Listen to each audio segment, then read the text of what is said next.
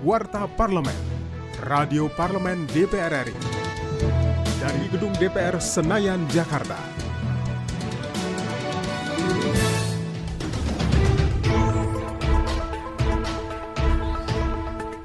Dalam rapat bersama Bio Farma di Komplek Parlemen Senayan Jakarta, anggota Komisi 9 DPR RI Neti Prasetyani mengatakan keterbukaan data calon penerima vaksin sangat diperlukan untuk dijadikan bahan riset dan kajian tentang pelaksanaan vaksinasi dalam membentuk imunitas tubuh populasi penduduk Indonesia. Dan juga anggota Komisi 9 lainnya, Saleh Fataunan Daulay mengatakan mekanisme pemberitahuan vaksin kepada masyarakat harus mampu dikelola dan dipertanggungjawabkan kepada publik agar mampu mencegah terjadi kekacauan informasi dan berita hoax.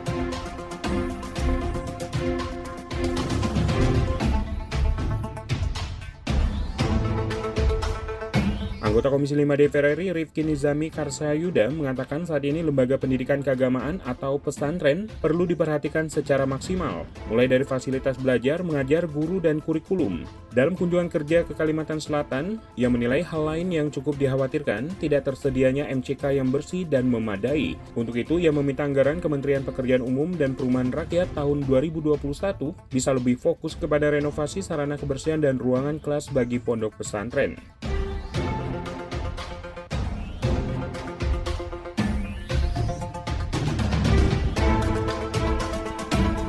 Anggota Komisi 4 DPR RI Rizky Aprilia saat melakukan kunjungan kerja ke Kota Palembang, Provinsi Sumatera Selatan, ia mengatakan akan terus mendukung pengembangan tempat proses akhir di daerah yang diprogramkan Kementerian Lingkungan Hidup dan Kehutanan.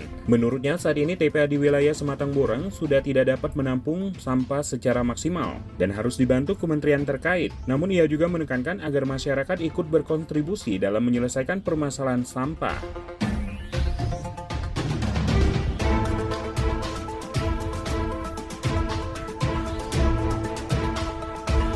Demikian Warta Parlemen, Produksi TV dan Radio Parlemen, Biro Pemberitaan Parlemen, Sekretariat Jenderal DPR RI, saya Edu Da Vinci.